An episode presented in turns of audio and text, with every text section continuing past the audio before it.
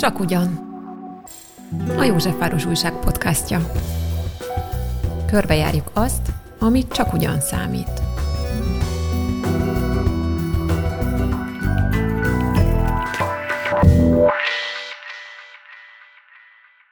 Üdvözlöm a hallgatókat, Bendül Vera vagyok. Ma a madarak lesznek a téma. Egy olyan beszélgetés elé nézünk, melyik érinti Józsefvárost, mert ez a világ közepe, de innen még a Szaharába is ellátogatunk gondolatban. Megtudjuk, hogy mennyire barátaink a kerületi varjak és szarkák, hogy mi történik egy varjú lelkében, ha egy ember örökbe fogadja, vagy csak segít neki, és azt is, hogy miért kellene vigyázni az országunkban még élő egerészszővekre. Mindez pedig összefügge az akugyárakkal és a számunkra olyan fontos gabonatermeléssel és gyepgazdálkodással. Vendégem Turni Zoltán, a Kiskunsági Nemzeti Park egyik gyepvédelmi tanácsadója, és egyben a Magyar Madártani Egyesület önkéntes koordinátora a Hambas Réti héja faj megőrzés témában. Turni Zoli egyrészt a kiskunsági gazdákkal működik együtt azért, hogy a gyepgazdálkodás zöggenőmentes legyen, és a természetvédelmi szabályok maradéktanul betartásra kerüljenek, vagy amennyire lehetséges. Másrészt olyan lelkes ragadozó madárvédő, hogy a téma kutatása érdekében messzi országokba is utazik, hogy felmérje a madárpusztulást. Így volt az utóbbi években Indiában, Nepálban, Grúziában, legutóbb pedig Kazaksztánban. Az utak következménye mindig egy csodálatos képes anyag lett, és rengeteg adat, amelyik nem feltétlenül vidám. Emellett évekkel ezelőtt egy varjút is örökbe fogadott, ezért is tud majd nekünk mesélni a Józsefvárosi varjak lelki életéről. Hello, Zoli! Sziasztok! Köszöntöm a hallgatókat is. Akkor kezdhetjük a varjúnál? Hát, legyen. Hogy történt az, hogy örökbe fogadtál egy varjút? Hát igazából ez már igen régen történt, még kicsit fiatalabb voltam. Nem Zoli is... most sem öreg, csak mondom. Szóval ez egy fészekből kiesett fióka volt, pontosabban egy fészek telepről beszélünk, itt nagyon sok varjú költött együtt, és egyet el is hoztunk ezek közül így, akkor még nem voltak védettek ezek a varjuk. Egyébként a dolmányos varjú, ami gyakori a városokban, az most sem védett, csak a vetési varjú, ami viszont általában kintét régebben a, a pusztákon és a természetes élőhelyeken, de azóta már ők is elkezdtek beköltözni a városba. Ennyit még így előjáróban a dologról. Szóval volt ez a varjú, és hát nálam nevelkedett, és mint azt kevesen tudják, bár a kacsákról az ember tudják, tudja, hogy ha embert lát meg elsőnek, akkor általában ő is emberként gondol magára, vagy legalábbis azt tartja a csapattársának az embert. Úgy ezek a varjak is, amit az ember nevel, az általában az emberhez szokik, és megszelidül, és magá, tehát az embert is társának tekinti. És hát így volt ebben a varjúval is, talán Korvi volt a neve. Hol laktál akkoriban? Hát a városban laktam már, de Budán, a budai oldalon. Ott azért több, több fa van, tehát egy sokkal inkább parkosabb jellegű helyszín és egy kicsit jobban is érezte magát ez a madár, mert hogy ez, miután megtanult repülni, pontosabban miután elérte azt a kort, hogy már tudott repülni, akkor én szabadon engedtem őt, tehát ő igazából szabadon távozhatott, de hát vissza is jöhetett. De mivel én voltam neki a csapat és a, a, a család jóformán, ezért visszajött mindig. És mi lett vele? Mi lett a sorsa? Hát sok helyre elment, repkedett itt, repkedett ott. A szomszédok már jelezték egy idő után, hogy nem feltétlenül szívesen látják, mert azért nem csak kedves volt ez a madár, hanem például szeretett reggel korán károgni, vagy például bement másokhoz az ablakon keresztül, és ott szeretett volna körülnézni a konyhába, hogy mi van, esetleg valami, ami ehető. Ropit talált például, ezt egy szomszédtól hallottuk később, hogy, hogy Ropit evett a, az asztalukon a, a varjú, mikor hazaérkeztek, és a, a család egyik tagja ezt nem tudta hirtelen feldolgozni, és annyira megijedt, hogy, hogy rosszul lett egy picit, de persze nem súlyosan, csak egy kicsit így, így megszédült, hogy most mi az egész dolog itt.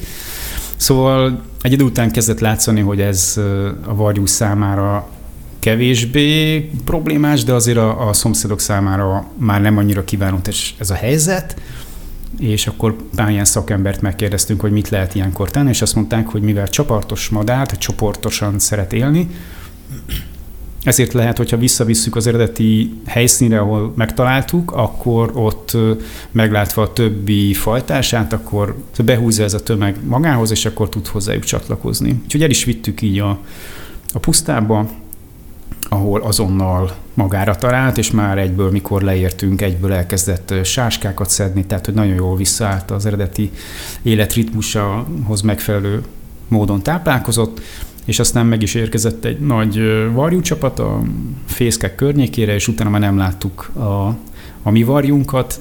Én azt remélem, hogy akkor visszacsatlakozott ebbe az eredeti közösségébe. Ez a mesének a szép vége, de hogy valójában mi történt, ezt nem tudom, mert lehet, hogy bement egy másik tanyára, ahol szintén embereket látott, de szerintem valószínű, hogy csatlakozott a többi varjúhoz. Ez azért is érdekes, mert mi is írtunk egy varjus történetről még a Józsefváros újságban, amikor egy hölgy mentett meg egy fiókát, és utána az a felnőtt varjú mindig rászállt a fejére, amikor meglátta az utcán, és a hölgynek azt hiszem sapkát is kellett hordania, mert ugye kedvességnek szánta ezt a varjú, csak nem mindig volt olyan kényelmes, hogy a hölgy fejére szállt. Varjak ilyenkor varjúnak képzelik magukat, vagy embernek, amikor egy ember menti meg őket, vagy neveli fel őket? Ha ennek a kérdésnek van értelme egyáltalán, de mégis. Még sosem kérdeztem erről varjút, tehát nem tudom a választ, de nem feltétlenül, mert ugye vissza tudnak vadulni később. Tehát ők egyszerűen ezt a, ezt a közösséget, ezt a kapcsolatot szokják meg, vagy hiszen ebben nőnek föl, akkor nekik ez a természetes. De hogy, ahogy itt a én történetemben is volt igazából, hogyha írja őket egy eredeti hatás, egy olyan erős, amikor így ráeszmélnek, hogy hoppát, nekem itt nem sok minden keresni valóm van, akkor, akkor ők vissza tudnak ebbe ösztönösen kapcsolódni. Vannak fajok, aminél ez nem így működik, de, de a varjúnál valószínűleg így működik. Viszont ebből ebből az ember-madár kapcsolatból azért, ahogy te is mondtad, hogy a fejére szállt a hölgynek, azért lehetnek problémák ilyen helyszíneken, mert ugye nem mindenki számít arra, hogy egy ilyen varjú, aki a fejére száll, az, az csupán barátságból száll oda, és megijedhet például, vagy, vagy ami egy másik helyzet, tehát van egy olyan jelenség is a varjakkal kapcsolatban, itt a városokban, hogy mivel megszokják az embereknek a közelségét, azok a vad dolmányos varjuk, akik itt költenek, ezért nem félnek már annyira az embertől, viszont a varjaknak van egy olyan viselkedése, amikor a fiókáik kicsik, hogy igyekszenek megvédeni mindenféle betolakodóktól, vagy a fiókákra veszélyes állatoktól, és ezúttal itt emberekről, emberektől, próbálják megvédeni a, a fészküket, és rátámadnak, aki túlságosan közelre jön. Viszont a varjak most már nagyon sok helyen költenek a városba, már alacsony fákon is, tehát a járókelők is egyre közelebb kerülnek végül is a fészkekhez, tehát ez a, ez a távolság csökken a, az évtizedeken keresztül, és ez okozza azt, hogy néha, kb. május környékén, ha jól emlékszem, vagy júniusban a kirepülés idején, amikor a fiókák már nagyok, akkor vannak ilyen történetek, lehet ilyeneket hallani, hogy megtámadnak varjuk, domnyos varjú embereket, és hogy nem tudják, hogy ez miért történik, és ez rettentő félelmetes, hát ugye Hitchcock is már csinált erről egy filmet. Szóval ez emiatt van, mert a fiókáktól védik, és már nem félnek annyira az emberektől. Engem is támadott már meg így domnyos varjú a Margit szigettől nem messze például. És mennyire kell férni a varjaktól? Mennyire kell félni akkor, amikor megtámadnak, ez az egyik kérdés, másik pedig hát, ahogy mondod, úgy tűnik, hogy van, amikor ők ismerkednek, tehát akkor oda beszállnak a, a, az asztalra, emberi szempontból úgy mondanám, hogy nem feltétlenül rossz indulatból, vagy hát biztos nem. Hát mennyire kell tartani tőlük? A Józsefvárosban például, vagy a városban? Hát ha az ablakon jönnek be, és az asztalra szeretnének szállni, és enni szeretnének, az egész biztos, hogy valami ember nevelte varjú lehet. Az valószínűleg nem ö, gonosz célral érkezik, csak szeretne enni. De ez nagyon ritka.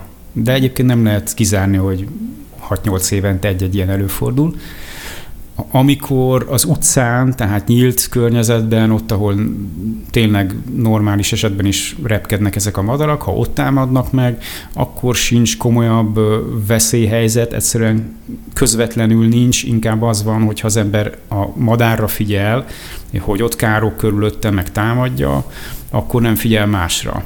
És lehet, hogy ha egy járókelő éppen az ebrán kívánna átkelni, és akkor támadja meg, akkor az nem a legjobb, mert akkor nem tud annyira körülnézni. Velem ez történt egyébként pont. De azt is fontos tudni, hogy ezek a támadások nem kontakt, nem nem történik valóságos... Tehát nem az a valóságos célja, hogy a csőrével kivárja a szemedet. Igen, tehát ez, igen, tehát ez a lényeg, hogy a támadásnak mondom, de ez, ez a szándékot jelenti, tehát hogy a varjú részéről ez egy szándék, hogy ő most támad, és próbálja elzavarni az ember. Tehát inkább ez egy ilyen zavarás, ez száll jobb, jobb szó, azt hiszem, hogy zavarja az embereket, megpróbálja elzavarni, ez károgással teszi, meg, meg nagyon közelre repüléssel. hogy megközelíti az embert a fejéhez, közel repül, de az, hogy ráüljön a fejére, az, az, az akkor van csak, hogyha ilyen ember által nevelt madáról van szó. De hogy hát ennyire kell úgymond félni, tehát hogy félni nem kell, csak csak meglepő, meg ijesztő dolog. De milyen más madarak vannak még Józsefvárosban? Például említetted az előzetes beszélgetésünknél a vörös vércséket a Szabó Ervin könyvtárnál, illetve hát ha még más fajokról is mesélnél, Hát igen, eddig a szürke varjakról, most meg a vörös vércsékről tudunk beszélni. Az a helyzet, hogy a vörös vércsék azok nem építenek fészket, az ilyen sólyom vércse, egyéb mm, ragadozó madarak nem, nem építenek fészket. Ezek más madaraktól veszik el, vagy hát nem veszik, hanem beleköltöznek más madaraknak a fészkeibe, de hogyha nincsenek ilyen fészkek, akkor, akkor sziklarepedésekbe és ilyesmi kőformációkba éltek a év ezredeknek a folyamán, vagy még régebb óta, de mivel itt a városban is találnak táplálékot, majd elmondom, hogy mit is pontosan, ezért itt is szeretnének fészkelni, és ezek az épületek, amik itt nagyon szépen díszekkel meg voltak szépen díszítve, ugye a múlt században, meg azelőtt, ezeken kialakultak az emberi szép érzéknek megfelelően bizonyos ilyen üregek és, és szép kis díszítések, és ezekbe néha fészkelő helyet találnak maguknak a vörös vértség. Egyébként egy ilyen galamméretű madár, csak vöröses-barna a háta, azért vörös vércse, mert van a kék vércse, annak ilyen kékes szürke a háta, de az nem, az nem költ benne a városba. És itt konkrétan a Szabó Ervin könyvtára szemben, hát attól nyugatra az egyik épületen van egy ilyen nagyon szép ilyen szív alakú ismétlődő motivum a, a, a homlokzaton, és az egyikben rendszeresen költ a vörösvércse, látni is a, mi úgy mondjuk, hogy meszelés, tehát amikor az ürüléke ilyen fehér színű, és onnan lehet utólag megtudni, hogy ott van egy ilyen fészkelőhely. Uh-huh. És a szarkák például? A szarka, ugye, mint varjúféle, az szintén van, de a szarka nem tud épületen költeni, tehát ő ugyanúgy, mint a dolmányos varjú fákhoz kötődik, tehát kell, hogy legyen fa a környéken, bár dolmányos varjú néha épületeken is költ most már Magyarországon, tehát láttam már azt is. És beszéltünk a gekkókról is, igaz, hogy azok nem madarak, de említetted, hogy a gekkók beköltöztek a lépcsőházakba? Igen, igen, tehát a, nem csak ezek az őshonos állatok vannak itt a városban, mint a vörösvércse, a dolmányos varjú, meg egyébként a sűn, vagy bármi, ugye ezek is, ezek is őshonosak, tehát ez már sok-sok éve, ezer éve, évszázadok óta itt vannak, hanem olyan fajok is, amiket mi a turizmus hatására hoztunk át ide, vagy a turizmusnak köszönhetően jelentek meg, ugye az emberek mennek mindenfele a világba, és megtetszik nekik egy-egy állat, vagy egy-egy növény, és akkor egy picit elhoznak belőle egy rügyet, egy, egy dugványt, úgy hibiszkusztól kezdve mindenig, de előfordulhat, hogy valaki egy gekkót hoz el például a mediterrán országból, Görögországból, vagy bárhonnan, mert annyira jól néz ki. Nyilván ezeket az állatokat nem szabad egyébként hozni, vinni, vagy előfordul, hogy valami, valaki kettelésből tart valamilyen gekkókat, és ha megunja, akkor galád módon elereszti őket a szabadba, mert más nem akar vele már tenni. Egyébként az állat kell szokott befogadni ilyen állatokat, de nem biztos, hogy örülnek neki, hogyha hozzájuk irányítjuk őket, de még mindig jobb, mint hogyha valaki a szabad természetbe engedné ezeket el.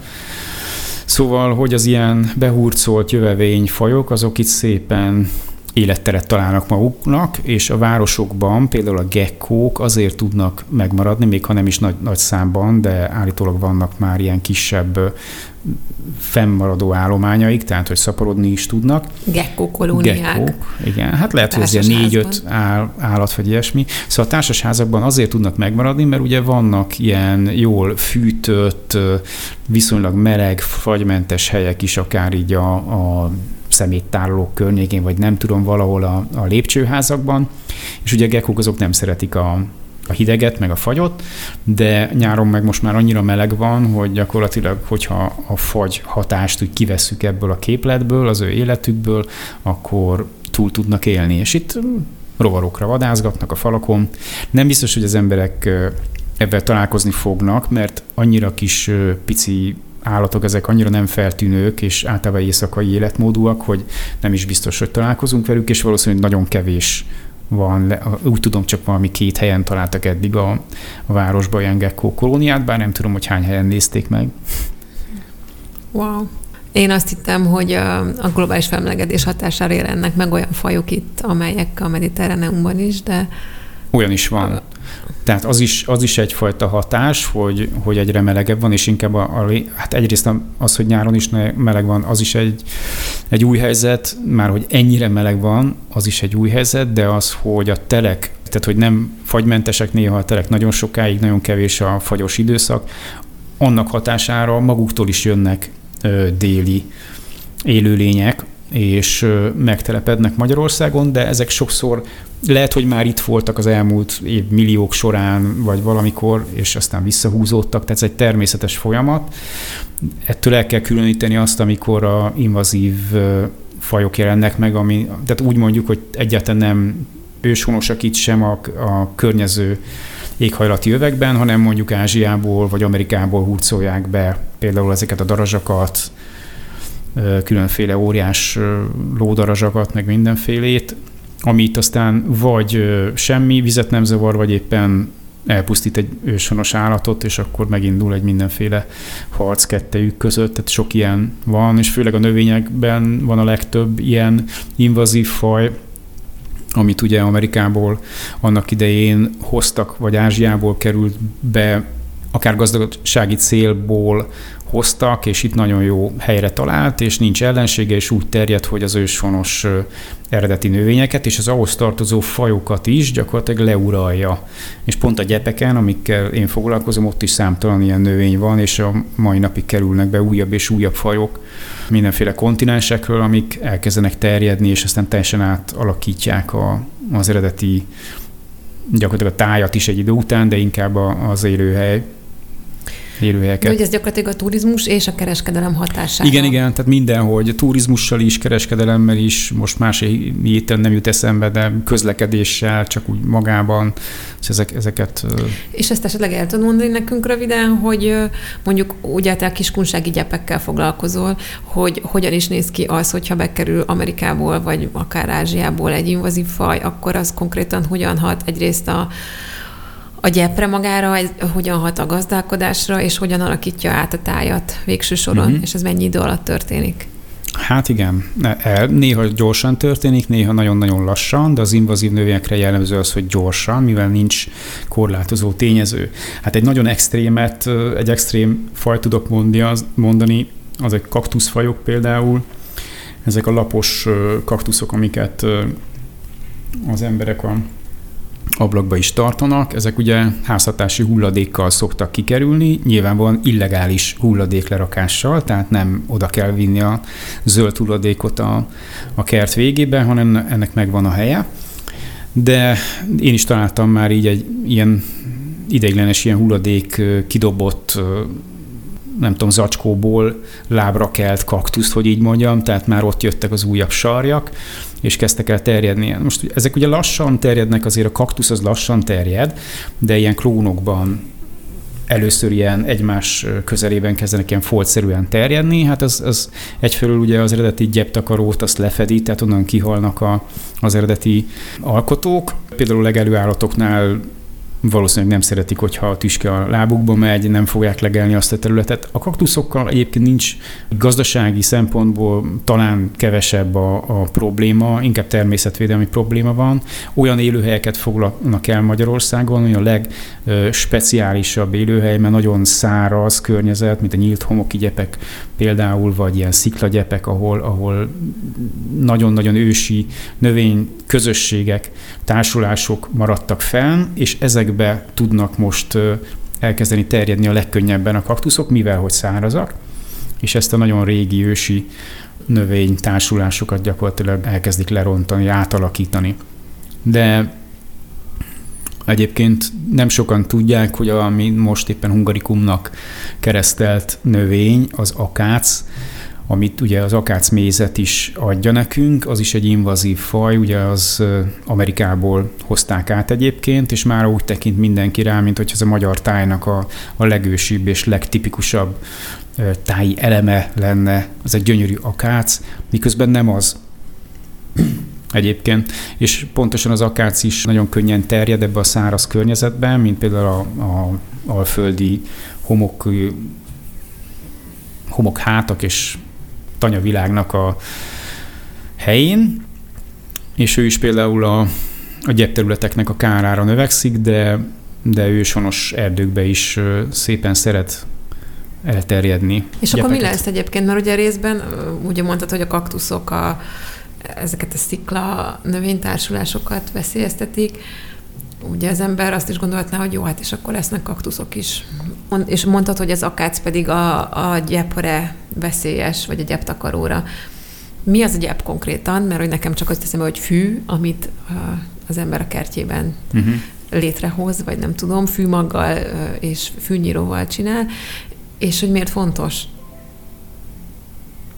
A gyep igazából az valóban az, amit mondasz, ami a kertbe is előfordul, csak ezek, a, ami, amiről mi beszélünk, azok ilyen természetes, ősi életközösségek, ahol olyan növényfajok vannak, amik már nagyon-nagyon régóta itt vannak ebbe a Kárpát-medencébe, de a lényeg az, hogy fűfajok, tehát pázsitfűféle egyszikűek alkotják döntően, de lehetnek benne kétszikűek, ami nem bármi gyakorlatilag zsája, most mondtam egy példát, és ö, kevés bennük a fászárú, vagy hát igazából egyáltalán nincs, esetleg egy-két cserje, mint a galagonya, vagy ilyesmi. Tehát ezekről a gyepekről beszélünk, ezek természetesen alakultak ki annak idején, és a legeltetés tartja őket fent, mert hogyha nem legelnék az állatok, akkor ez egy ilyen erdős gyeppé vagy erdővé alakulna át. Tehát valahogy köthető az emberi tevékenységehez is. Tehát ezek a gyepek, ezek természetközeli gyepeknek hívjuk őket egyébként, mi ezekkel foglalkozunk, és ezeket védjük, és azért, mert nem csak maguk a, nem csak maguk a gyepszőnyek, ha úgy tetszik, de nem az az értékes, és persze itt, itt természetvédelmi szempontú értékekről beszélünk, nem feltétlenül anyagi szempontú értékelés ez. Ezekhez rengeteg élőlény kapcsolódik, nagyon sok élőlénynek adnak otthont, élőhelyet, rovarok, speciális rovaroknak, lepkefajtáknak például akár, vagy madarak költenek benne, tehát egy nagyon sokféle diverzitásnak szoktuk mondani ezt egyébként, hogy sokféle élő lény van benne, egy fajgazdagság jellemzi őket, Azért, mert annyira régóta vannak itt a Kárpát-medencében, hogy nagyon sok állat- és növényfaj együttélése ki tudott alakulni, és egymáshoz hozzászoktak, sőt, igazából vannak ilyen egymásra utaltságok is, ennek az egyik legérdekesebb példája a hangyaboglárkáknak az esete. Erről nem, film is szólt már erről, de ez egy nagyon érdekes dolog. Hangyaboglárka fajok olyan régóta élnek ezekben a növénytársulásokban, ezekben a, a üdegyepekben egyébként, hogy olyan kapcsolatokról jöttek lét, létre köztük, és a növényekkel, meg az ott élő rovarokkal, a hangyákkal, amit szinte ki se lehet találni, hogy, hogy ezt így hogy ezt ki kéne találni, hogy ilyen legyen, szóval valakinek megírni ezt a különös összeköttetést, ami egyébként abból áll, hogy van ez a hangyaboglárka, ami nem nagyobb, egy ilyen, hát nem egy 5, 5 forintos, vagy 20 forintos maximum, hogy akkor a kicsi lepke. Ez a lepkefaj úgy szaporodik igazából, hogy a petéit azt a virágnak a, a tetejére lerakja, és vagy lemászik, vagy mikor, tehát már hernyóvá fejlődik, akkor vagy leesik, vagy elviszik onnan, de a hangyákhoz kerül. Az a lényeg, hogy a hangyák megtalálják ezeket a hernyókat, és ők azt egy olyan anyagot bocsánat ki ez a kis hernyó, ha már bebábozódott, vagy akár előtte is, mint hogyha ő a hangya lenne, ilyen hangya illatanyagokat, és azt hiszik a hangyák, hogy akkor ez egy társuk, akkor beviszik a hangya bolyba, ahol ugye télen nem fagy meg a, a, tehát meleg van, és a fagyot át tudja vészelni, és semmilyen más ragadozó nem megy oda be, mert a hangyák úgyis megvédik. Na és ott kell ki később ez a kis lepke, és onnan jön ki, és aztán megy újra föl a növényre. És akkor ilyenek vannak például. Ez most nyilván a legösszetettebb és a legkülönösebb, de ez egy példa. És erről hát nem sok mindenki tud, szóval, hogyha valaki kimegy mondjuk kutyát sétáltatni egy ilyen helyre, ami az nem is tudja, hogy min lépked. Én se tudtam korábban. És mi lesz, hogyha már, ha jól értem, akkor a gazdálkodás következtében csökken a gyepek száma? Akkor az... Hát ez úgy van, hogy egyfelől csökken, igen, mert a szántóföldi termelésnek a területi kiterjedtsége az folyamatosan nő, részben egyébként azért, mert a támogatások ezt idézik elő, tehát úgy, kapnak, úgy kapják a gazdák a támogatást, hogyha termelnek, és ezért szeret mindenki egyre nagyobb-nagyobb területeken termelni, de ez egy másik témakör. Most inkább csak visszamegyek oda, hogy valóban van egy csökkenése a gyepterületeknek, mert az állattartás visszaszorulóban van, és a gyepek az állattartáshoz legalábbis a legelőre alapozott állattartástól függnek, mivel ugye a marhák esetleg a juhok ott legelnek, Szóval van egyfajta csökkenés, de nem csak a területi csökkenés lehet probléma, hanem a használatból is lehet, hogyha például túlságosan, intenzíven használnak egy gyepet, akkor ez az eredeti társulás, ezek az eredeti kapcsolatok megszűnnek, ott az, élet, az élőlények közti kapcsolatok megszűnnek, átalakulnak, elszegényedik természetvédelmi szempontból, elszegényedik egy ilyen gyep. Lehet, hogy gazdálkodásra még használható, de ez az összetettsége, ez csökken. És hát mi azon munkálkodunk igazából, hogy tudjanak gazdálkodók is gazdálkodni ezeken a gyepeken, de van bizonyos védettségi kategória, mint például, hát ugye az országos védett, de van, ami más Európai Uniós védelem, a Natura 2000 hálózatok, ezek arról szólnak, hogy ott már, ahol ilyen Natura 2000 lehatárolás van érvényben, ott már ne tegyék ilyen szinten intenzív gazdálkodásúvá ezeket a területeket, most csúnyán szólva, de hogy ott valami, valami kímélő gazdálkodást tudjanak alkalmazni az emberek, és ezért egyébként kapnak valamennyi támogatást is. Tehát ez egy valahol elvileg egy mindkét félnek egy ilyen win-win szituáció lehetne. A gyepvédelem mindenkinek jó, azt mondod, elvileg. Térjünk rá a ragadozó madarakra egy kicsit hogy róluk is beszéljünk, mert hogy én egyébként is szeretem őket, de te még jobban, úgy látom. Ti réti védők, ahogy láttam a Facebook oldalatokon, mi is egy címe réti védelem. Azt hiszem, hogy Azt hiszem, igen, nem tudom, mert már változtattam is rajta, nem emelik. Tehát ott lehet követni, hogy nyomkövetővel láttatok el több réti héját is, hogy megfigyeljétek az útjukat a kiskunságról, különböző helyekre, ahogy láttam a posztokat, ugye a Szahara felől érkeznek jelek meg Afrikából, meg még sok más helyről, és nagyon érdekes posztok vannak ezzel kapcsolatban. Egyet fel szeretnék olvasni, mert annyira megtetszett. Az elmúlt hetekben két nyomkövetős hamvas rétihéjánk is átkelt a földközi tengeren. Imi, ez a rétihéja neve, már meg is érkezett Nigerbe, a korábbi években is elsőként meglátogatott területre a Niger folyó vízgyűjtőjének északi részéhez. Itt egy cseh nyomkövetős madár is terelt korábbi évben, Karel Poprács szóbeli közlése alapján. Ő nyilván egy másik madárvédő. Az idén nyáron megjelölt öreg torruhás hím Máltán át ért el Tunéziába. Útját mégsem a Szaharán át folytatta, hanem észak felé 500 kilométert tett meg. A cél egy szántóterületek között megmaradt kis vízfolyás, mélyebben fekvő természetközeli élőhelye volt. Jelenleg is ezt a területet járja be. Valószínűleg korábbi kedvező tapasztalata alapján érkezett ide-vissza. A harmadik jeladós madarunk jeleit csak a visszaérkezésekor tudjuk letölteni. Nagyon reméljük, hogy az eddigi sikeres telelésük, hazaérkezésük továbbra is gond nélkül telik majd, annak ellenére, hogy még számtalan veszélyel kell szembenézniük. Így van iszonyatosan izgalmas, és nagyon, nekem nagyon tetszik ennek a nyelvezete. Mesélsz a nyomkövetővel ellátott réti hiákról, Imiről, és hogy is hívják a másik? Fülöp, Fülöp és a másik, és 27-es a harmadik. És 27-esről. Szám szerint 27-es az első, akkor még nem adtunk nevet a madaraknak, és a gyűrűje alapján, amin egy 27-es szám van, ő lett a 27-es, ő kapta először a gyűrű, vagy a, a jeladót, ezek a nyomkövetők, a régi típusúak olyanok voltak, hogy nem tudtuk még otthonról megnézni telefonon, hogy hol van a madár, mint most bárki, a szülő, mikor a gyereke elmegy iskolába, hogy ott van-e, vagy hova ment. Nem tudtuk ezt még megoldani, hanem később kellett letölteni, és ez egy nagyon izgalmas időszak volt, mert nagyon hosszú várakozások, tehát akár egy hónapig, másfél hónapig nem tudtuk, hogy a madár hol van, és be kellett cserkelnünk, és gyakorlatilag ilyen adóvevővel a kezünkbe, minél magasabbra tartva kellett várakoznunk akár egy órát, hogy hát a madár odajön, és akkor megtudjuk, hogy merre járt. Ez nagyon izgalmas volt. Hogy a madár közelsége kellett ahhoz, hogy tudjad az igen. útvonalát. Bocsánat, igen. Tehát kellett az, hogy ott legyünk, hát egy 500 méter, egy kilométer közelbe. És aztán meglett erre is a megoldás, hogy, hogy a fészke közelébe leraktuk ezt a, ezt a vevőkészüléket, és akkor már tudtuk, de akkor sem tudtuk folyamatosan nézni, hogy hol van. Ezek voltak a, mondhatjuk úgy, hogy ilyen hőskor, vagy, vagy ilyesmi. És aztán a következő típusú jeladóknál már, amit Imi kapott és Fülöp, azok már olyanok, hogy telefonon tudjuk nézni, akár most is megnézhetnénk, ha lenne nem merült volna a telefonom, akkor meg tudnák nézni, hogy most hol van ez a két madár, és egyébként Imi és Fülöp most pont egy olyan 100 kilométerre van egymástól a, a, a telelőhelyükön Afrikába, Nigériába, vagy Niger, Niger és Nigéria határán.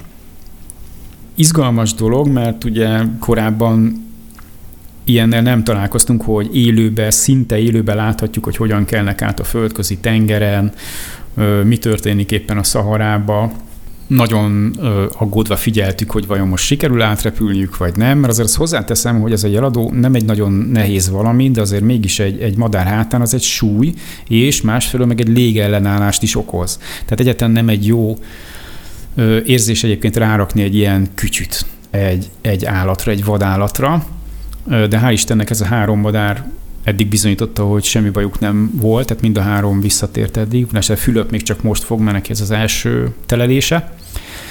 De a lényeg, hogy azért a földközi tengert átszelni egy ilyen hátizsákkal a hátukon, az nem biztos, hogy annyira kockázatmentes, és előfordul, hogy pont ott nem ad ugye a, a pontosan a jeladó ad, csak mi nem tudjuk a jelet elérni, mert nincs térerő, és mindig ott van a legnagyobb izgulás, hogy na most vajon történt valami, hogy beleveszett a tengerbe, ugye úszni nem tudnak ezek a ragadozó madarak, vagy esetleg átkelt már. De hát mindig az van, hogy akkor Tunéziából egyszer csak megjelenik a, a jel, hogy, hogy átrepülte, és egyébként pont Fülöp, amint a posztban is volt, ő Máltán is átrepült, és ugye Málta az kifejezetten egy ilyen nagy ragadozó mészárló terület, tehát nagyon sok ember áll ott és vár a, a madarakra, nem csak ragadozó madarakra, mindenre, és lelövik. De az egész mediterrán térségbe így van, főként Libanonba, szórakozásból. Tehát ezek ilyen tradicionális szórakozások, Régen, amikor még drága volt a lőszer, akkor csak néhányat lőttek le, most már viszonylag könnyen jutnak hozzájuk,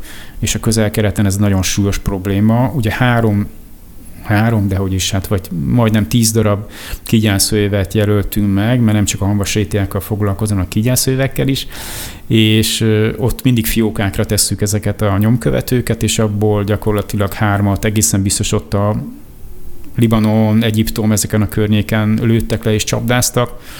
Másik három eltűnt a dzsungelbe valahol, Nigéria, Szudán, és egy pedig visszatért a, nem tudom, talán 7-ből, 8-ból összesen egy tért vissza három év múlva Magyarországra, amit aztán egy áram vezeték ütött le, tehát hogy eddig mindegyik elpusztult gyakorlatilag.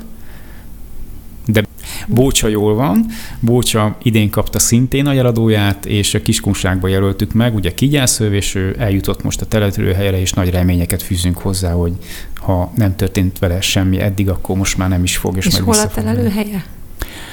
Hát Nigéria ő is, Pontosan nem tudom megmondani, mert változtatja is egyébként a helyét, tehát a két hanvas rétéje ez nagyon fixen egy helyen mozgott eddig, de ez, ez ilyen kalandvágyó, vagy nincs annyi táplálék a környéken, és sokkal nagyobbakat át is mozog egyik országból a másikba. de valahol Nigériában. És madárvédelem nincsen ezekben a közel-keleti országokban, ahol... Hát elviekben nagyon sok állam ugye aláírta különböző nemzetközi egyezményeket, hogy megvédik a ragadozó madarakat, de, de ez a gyakorlatban nem mindig valósul meg. meg megjegyzem, hogy Magyarországon sem feltétlenül valósult meg, sőt, még most is vannak problémák. Egyébként itt a farkasokat, hogyha visszaemlékszünk, nem is olyan rég, hogy hány farkast lőttek le, ami szintén védett állat, vagy barátkesejűt lőttek le, ami szintén egy jeladó miatt került meg, tehát hogy Magyarországon ezek a törvények azért ö, nagy részt be vannak tartva, de azért nem minden esetben. Na most ezekben az országokban ott meg aztán nagyon nem. És Hát próbálkozások vannak, és most elindultak ilyen nemzetközi civil összefogások, hogy ott is elkezdték, elkezdtek valahogy erre hatni, hogy ne legyen ez a tradicionális vadászat legalább üzletszerű, tehát ne durvuljon el még jobban, és önkéntesek figyelik, hogy hol vannak a legnagyobb ilyen problémás helyszínek. Ezeket lehet, hogy tudjuk támogatni, ha más nem, akkor szakmai tapasztalatokkal, vagy tapasztalatcserével, vagy önkéntesként akár oda menni, és ebben lehet, hogy még mi is tudunk valamit segíteni. Egyébként akkor mi van, ha kipusztulnak a ragadozók, ezek a ragadozó fajok azon túl, hogy ugye sok madarász sajnálni fogja őket, vagy az emberek egy része is, de egyébként ennek mi a következménye? Volt már ilyen, tehát hogy az összes nem tud kipusztulni, mert nagyon nagy a verseny köztük, tehát egyiknek a helyét azonnal betölti, vagy megpróbálja betölteni egy másik. A vándorsoron például kipusztult Magyarországról már gyakorlatilag a 50-es évek után, pontosan nem is emlékszem már, hogy volt, de ugye a 2000-es évekbe került vissza, vagy akkor tért vissza. Itt a DDT mérgezés, tehát a DDT-nek a használata tette tönkre igazából, mert a tojásainak olyan vékony lett a héja, hogy összeroppant a madár alatt, tehát nem tudott szaporodni gyakorlatilag. Szóval, hogy előforduló, hogy egy-egy faj kipusztul, ha oda tudunk figyelni, és felderítjük az okát, hogy miért történt ez, akkor ez visszafordítható esetleg. Hát erre a, megint csak a diverzitás szót, kifejezést tudom idézni, hogy ez egy gazdag, ez egy fajgazdag, vagy egy, egy, egy természetesen sokszínű világ, amiben megvannak a táplálékpirámisnak a, a csúcsai, és azok általában ragadozó madarak. Ha egy ragadozó madár eltűnik, általában az valamit jelez ebbe az egész rendszerben, valamilyen instabil helyzetet. Tehát, hogyha egy ragadozó madár eltűnik, akár egy faj, akkor lehet, hogy azt mondjuk, hogy na Istenem, hát van ilyen, és volt is ilyen egyébként, de pontosan a vándorsolyon példánál lehet látni, hogy ő a csúcs, tehát valami történt ebben a rendszerben, és ezért nagyon fontos az, hogy a, a, a csúcs ragadozókra figyeljünk, hogy mi történik velük, mert ők valamilyen szinten jelzik is ezeket, jelzik ezeket a folyamatokat, hogy valami nem jó dolog történik. Tehát ha eltűnik egy ragadozó, vagy akár minden ragadozó eltűnik, akkor ott valami nagy gond van valami nagy hatás, és ez előbb-utóbb az emberre is hatni fog. Tehát mivel mi sem vagyunk függetlenek a, a természetes környezetünktől igazából, mivel az élelmiszer termelés nagy része is, vagy jó nagy része onnan származik, hát szinte minden része, és egy ott létrejövő kedvezőtlen folyamat akár a termés mennyiségekre kihat. Tehát ez egy összetett rendszer, az egész életközösségeknek a rendszere, és ha abban valami megfordul, az valamire utal, és arra figyelnünk kell. Te Nepában és Grúziában, meg Kazaksztánban is voltál madárpusztulást nézni igazából, vagy vizsgálni. Mit láttál ott, mit tapasztaltál? Miért volt ez jelentős, hogy te oda mentél? Ami érdekes az, hogy Nepálban amit tapasztaltam, hogy az már nagyon messze van tőlünk, ugye India és Nepál, de Nepálban tapasztaltam leginkább, hogy ott például a sasok, a kányák szinte szeridek voltak. Tehát nem azt mondom, hogy meg tudtuk őket simogatni, de nagyon közelre jöttek, mivel ott nincs az a fajta vadászat rájuk, tradicionálisan, ősidők óta nem lövöldöznek ragadozó madarakra, mivel Aha nincs akkora állattartás, vagy van állattartás, de nem zavarja őket. Tehát, hogy ott a kultúrában az nem alakult ki, hogy azok valami gonosz dolgok, amiket el kell pusztítani, máshogy tekintenek rájuk, és sokkal szeridebbek voltak érdekes módon. Elmi, ez, ez egy érdekes dolog volt. A Kazaksztánt tudom itt leginkább most felhozni, mert ott egy ilyen expedícióra mentünk, aminek közvetlenül az volt a célja, hogy megnézzük, hogy a elektromos vezetékek hány, milyen arányban pusztul, pusztítják a madarakat. Mert ugye tudni kell, hogy ahol fátlan pusztaságok vannak, attól még ott vannak ragadozó madarak, mert szeretik a rákcsárókat, vagy a, a kisemlősöket. Oda tehát az ilyen helyeken, ahol a ragadozó madarak a pusztaságokban vadásznak, szeretnek ők is kiülni a magaslatokra, hogy lássák, hogy mi történik alattuk. Nyilván akkor kevesebbet kell repülni, hogyha alájuk jön egy, egy kis mormota, vagy bármi. De hát mikor megjelentek az elektromos vezetékek, ezek a középfeszültségű vezetékek, ezekre ők előszeretettel ültek ki, viszont olyan közel vannak a drótok egymáshoz, a vezetékek, hogyha a madár megérinti mind a két szárnyával egyszerre, akkor leföldeli ezt a uh-huh. vezetéket, és e, rajtuk átmegy az áram, és elpusztulnak. És mivel több ezer kilométernyi, vagy fú, nem tudom, még rengeteg kilométernyi ilyen vezeték van, nagyon sok madár pusztul el. És mi ezt néztük, hogy például kerecsen solymok pusztulnak el így, és milyen számban, de az összes többi madarat is, ragadozó madarat is figyeltük, és ezen kívül egyébként még ütközések is vannak, tehát a, a pusztánba repülő madarak neki mehetnek akár éjszaka, vagy ködbe, mondjuk ott sok köd nincsen, de bizonyos időjárási körülmények között neki repülnek. Ilyet is találtunk egyébként. És akkor mit csináltok? Tehát felírjátok, hogy meghalt ezer kerecsen sólyom? Hát igen, de szerencsére ennyit, ennyi nem. Az első legfontosabb az, hogy tudjunk a problémáról, és hogy meg tudjuk ítélni, hogy mekkora a probléma, és milyen helyszíneken vannak gócpontok, ahol nagyon, nagyon erős a, a pusztulás, mert akkor ott, ott kell beavatkozni legelső időszakban. Tehát ilyen prioritásokat, célokat meg lehet legalább ezek mentén határozni. Ezért például fontos, hogy tudjuk, hogy mi, hol van több ilyen vezeték, vagy milyen típusok azok, amik veszélyesek. Magyarországon ennek már nagy hagyománya van, mert már a 80-as évektől kezdve van ilyen szigetelé, osztop szigetelési módszer, amit a Magyar Madártő Egyesület munkatársai kezdtek el használni először, de külföldön még ez nem mindenhol jutott el, de, de már egyébként Kazasztánban is kísérleteznek ilyesmikkel, meg oszlopfej szerkezeteket átalakítják, ilyen madárbarát oszlopfejeket kezdenek el használni. Szóval érdekes dolog, hogy ez, ez egy 50 évvel ezelőtt mondjuk, vagy több nem volt probléma, nem foglalkoztak vele az emberek, hogy hány madár pusztul el, de most már eljutottunk egy olyan tudatos szintre ebben is, hogy, hogy tudunk erre hatni, odafigyelünk, és komolyan gondolják az emberek. Egyébként ez az áramszolgáltatónak sem feltétlenül jó, mert akár áramkimaradásokat okozhat, tehát hogy nekik is jelentkezik ez a probléma gazdasági oldalról, tehát akár pénzben is. Egyébként az érdekes, hogy mennyire nem ismerjük ezt a problémát, itt Magyarországon a Facebookon, stb. terjednek azért ilyen képek, amikor a gólyát megrázza az áram, arról tudunk, de hogyha végigmegy valaki egy ilyen vezetéksor alatt egy, egy szántóföldön, mondjuk ősszel, tehát még a betakarítás után közvetlenül, akkor meglepő, hogy mennyi madár van elpusztulva ezek alatt az oszlopok alatt. Tehát én szoktam ilyen hmm. felméréseket csinálni ugye a munkámból kifolyólag is, és 10-20 madár gond nélkül előkerülhet egy-egy ilyen szakasz alatt. Hmm. Visszatérve Magyarországra, ugye most itt az akkumulátorgyárak épülnek nagy mennyiségben. Lehet arról tudni, hogy ők milyen hatással ennek lesznek akár a madárvilágra, akár a vízkészletre, te szempontodból nézve?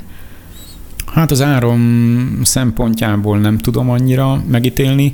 Itt a víz lehet egy olyan problematikus faktor, tényező, ami, ami komoly hatásokat ö, generálhat ott regionálisan, gondolom én.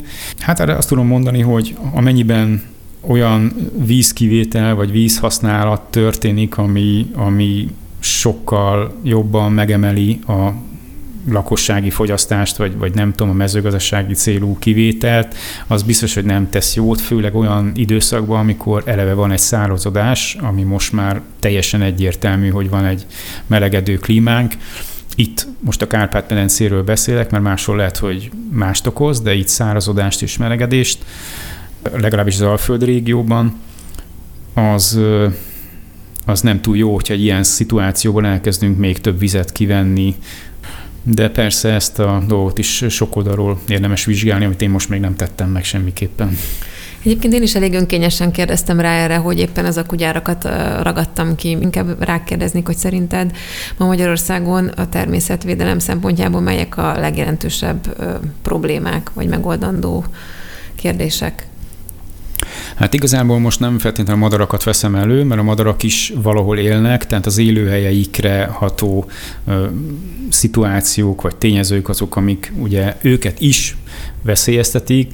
Hát egyfelől ugye ez a klímaváltozás, ez, ez ad olyan helyzeteket, hogy az őshonos növények és állatok, de leginkább az a növények kicsit kevésbé érzik jól magukat, mert megváltoznak a körülmények. Egy részük ehhez hozzá van szokva, viszont ugye mivel megjelentek az invazív fajok, a különböző idegenhonos élőlények, növények is főleg, ezek a, addig, amíg ezek a őshonos növények kicsit próbálnak magukhoz térni egy-egy ilyen két, két éves asszály után, lehet, hogy azok a mondjuk a kaktuszok vagy bármi más növény, azok gyorsan elfoglalják a helyüket, és nem biztos, hogy tovább tudnak terjedni aztán az eredeti növények, vagy nem állnak már vissza ugyanabban a rendben, és így a hozzájuk köpcsódó állatfajok is esetleg elvesztik az élőhelyeiket.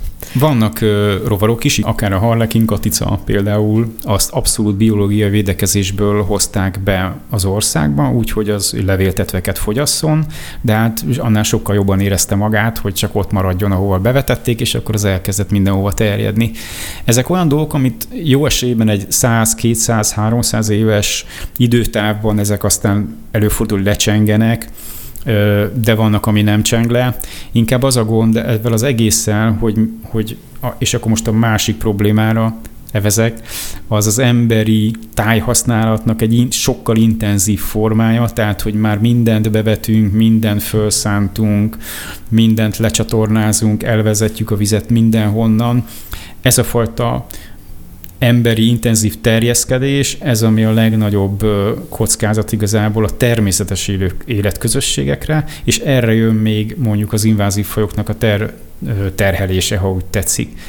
Tehát, hogyha elvesztjük az élőhelyeket, például a füves, gyepes élőhelyeinket, akkor az oda kapcsolódó növények, állatok is ö, csökkennek, és hogyha egy bizonyos szinten át csökken ezeknek a területeknek a száma, vagy el, eltávolodnak egymástól, mert a köztük levő részt kitölti ugye a lebetonozott, akár az akugyár, vagy bármi, akkor már nem is tudnak nagyon érintkezni egymással, tehát a gén, gének sem tudnak úgy kicserélődni, és leromlik a, az egész állományuknak, hogy mondjam, a minősége, vagy szóval kevésbé lesznek védettek a változásokra, és egyre jobban elszegényednek, és akkor jutunk oda, hogy valaki kimegy, és azt mondja, hát ezt véditek, hát ezen mit, védit, mit védtek itt egy néhány fűszál van itt, meg semmi más.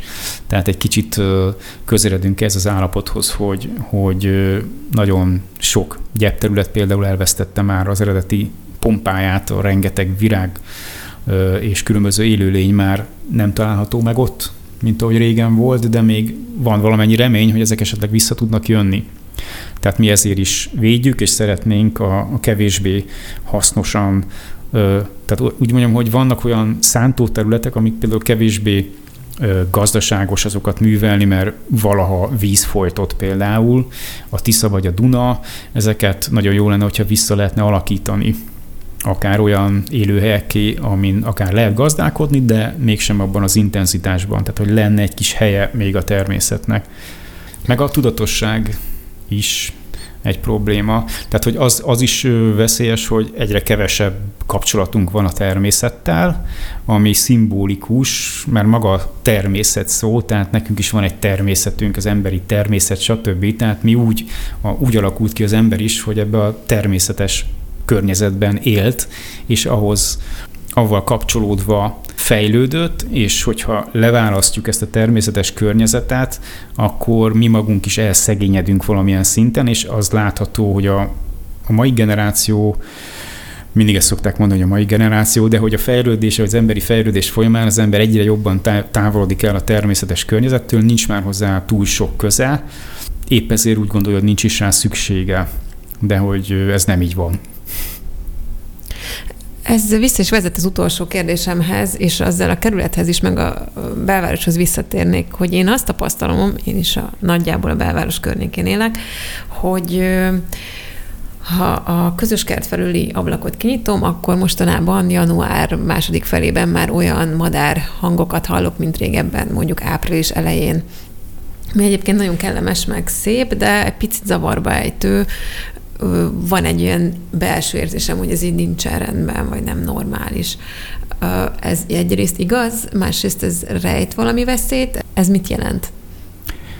Igen, ebben én is találkoztam, körülbelül ilyen 15 éve már hallottam, hogy a rigók már decemberben elkezdtek énekelni a kertekben. Hát igazából ezt, ezt inkább azt mondom, hogy furcsa, különleges, van benne igen egyfajta ilyen diszonancia, hogy ez most miért történik, nem ilyenkor kéne ennek történni, és ez pont egy ilyesmi kapcsolat, amit mondtam, hogy a természethez kapcsolódunk mi emberek is, hogy, hogy megjelenik benned ez a kérdés, hogy ez, ez, ez nem így volt régen, tehát valami van. Hát ez több dologtól függ, egyfelől a teleknek a enyhülése, tehát egyre, egyre ritkább a kemény tél, tehát már hamarabb elkezdik a, a madarak a, a nász időszakot, de egyébként nekik a, a fényhez kapcsolódik ez, tehát az, hogy mikortól növekszik a nappaloknak a száma, csak valószínű egy zúgó hóesésben 20 centi hóval a Rigó valószínűleg nem kezdett volna strófába egy 20 évvel ezelőtt, mert akkor még hűvösebb volt, de lehet, hogy kedve lett volna, most már viszont lehetősége is van rá. Nem, megteheti.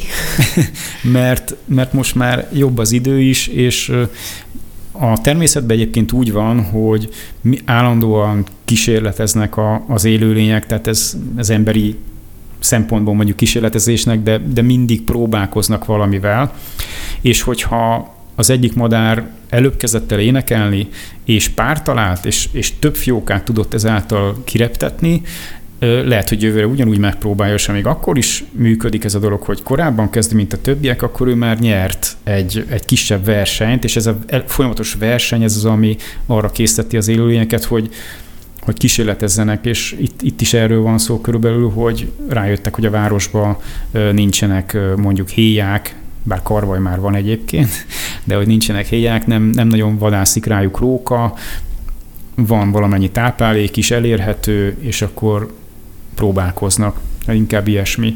Ezzel túl nagy baj nincs, inkább csak az, hogy utal arra, hogy a telek azok már nem azok a telek, amik régen voltak, és ennek viszont van hatása, sok mindenre kihat. Utolsó plusz egy, egy kérdés. Mit tudunk tenni Józsefvárosban, hogyha jobban akarunk lenni a madarakkal, vagy szeretnénk védeni őket? Hát minden városba növelni kéne a zöld területeknek a számát, ez teljesen egyértelmű.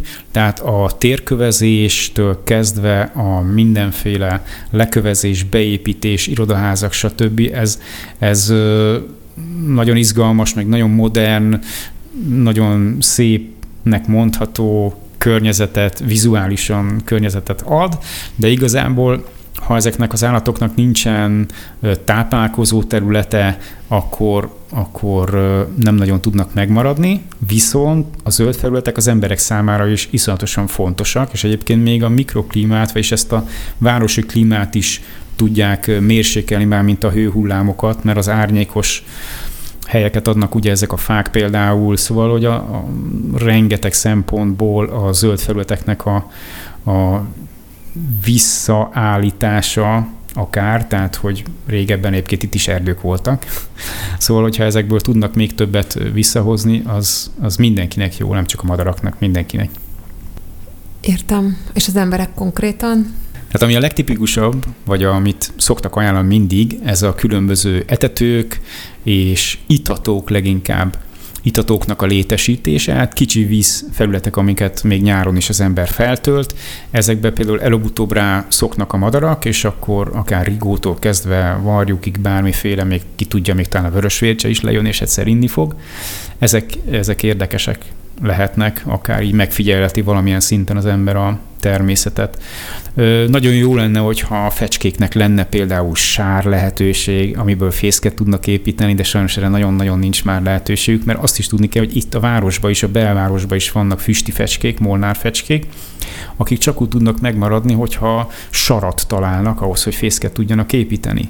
Viszont van a Pont a Madárt Egyesületben is lehet vásárolni ilyen fecske, előre készített fecskefészek alapokat, és akkor ezzel is lehet egyébként kísérletezni. A, az etetők egyébként etetni szoktak ugye télen, tehát kizárólag csak a téli időszakban szabad etetni. Ezt is meg lehet tenni, de azért általában a madarak megtalálják maguk számára a táplálékot, nem ez a legfontosabb, ez inkább csak egy olyan gesztus lehet, vagy egy olyan mm, találkozási lehetőség, amikor az ember közelről találkozhat mondjuk a madarakkal, hogyha eteti őket, de nyáron, meg tavasszal már semmiképpen nem kell etetni. Ez a fő szabály. Oké, okay, köszönöm szépen, Zoli, nagyon köszönöm, hogy itt voltál. Én is köszönöm. Ez szuper érdekes volt. Köszönjük hallgatóinknak a figyelmet, és várjuk Önöket máskor is. Hallgassák a Csak Ugyant. Viszont hallásra! Ez volt a Csak Ugyan. Iratkozzanak fel csatornáinkra, és hallgassanak minket YouTube-on, Apple Podcast-on, Google Podcast-on, Spotify-on, metrón, villamoson, fürdőszobában, konyhában, és egyáltalán mindenhol.